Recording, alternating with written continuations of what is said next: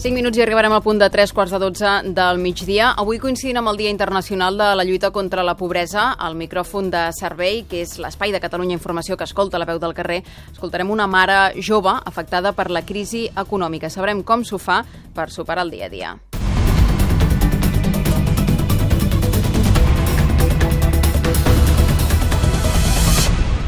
Fet, hi parlarà la Mireia Sala, que juntament amb el Jesús López són a la unitat mòbil a Mataró. Mireia, bon dia.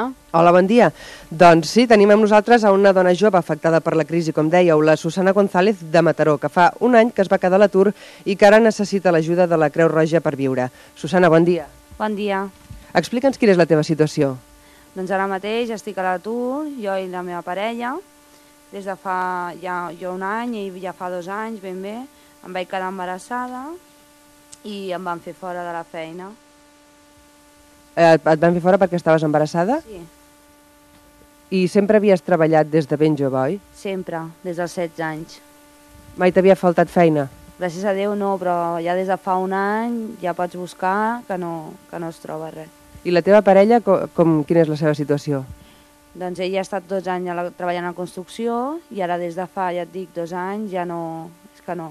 I tira currículums i ningú el crida. Uh, estem buscant desesperadament per, per, per l'alimentació de la nena, per nosaltres, per, per poder sobreviure i no surt res. Val a dir que esteu buscant desesperadament perquè una anècdota, ara quan esperàvem per fer aquesta entrevista, l'han trucat per telèfon i li han dit que tenia tabaco i entès que tenia trabajo, s'ha posat molt contenta perquè realment és una parella que necessita, necessita feina. Tu de, de què treballes, Susana? O de què havies treballat fins ara? De cuinera, de cambrera, de xarcutera, havia fet de tot, neteges de la llar, de tot. Acceptaries qualsevol tipus de feina? Ui, tant. Tenint en compte que tinc una nena petitona. Una nena petitona que va néixer fa, fa un mes, oi? Va néixer prematura. Eh, això també són bastantes despeses. Eh, quin tipus d'ajuda rebeu per part de la Creu Roja? Doncs eh, rebem aliments, bolquers, tovalloletes... Van molt bé les ajuts que et donen perquè és que et treu de, de molt, perquè està tot supercar.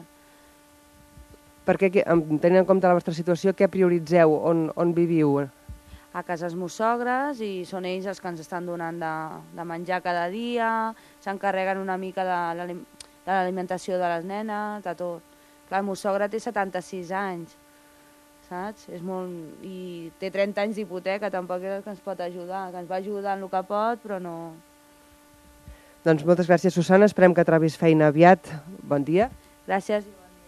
Després tornarem a demanar pas per parlar amb la responsable del programa contra la, pro- la pobresa de la Creu Roja i us explicaran quin tipus de persones atenen. Gràcies, bon dia. Mireia, gràcies i fins després. Bon dia. Bon dia.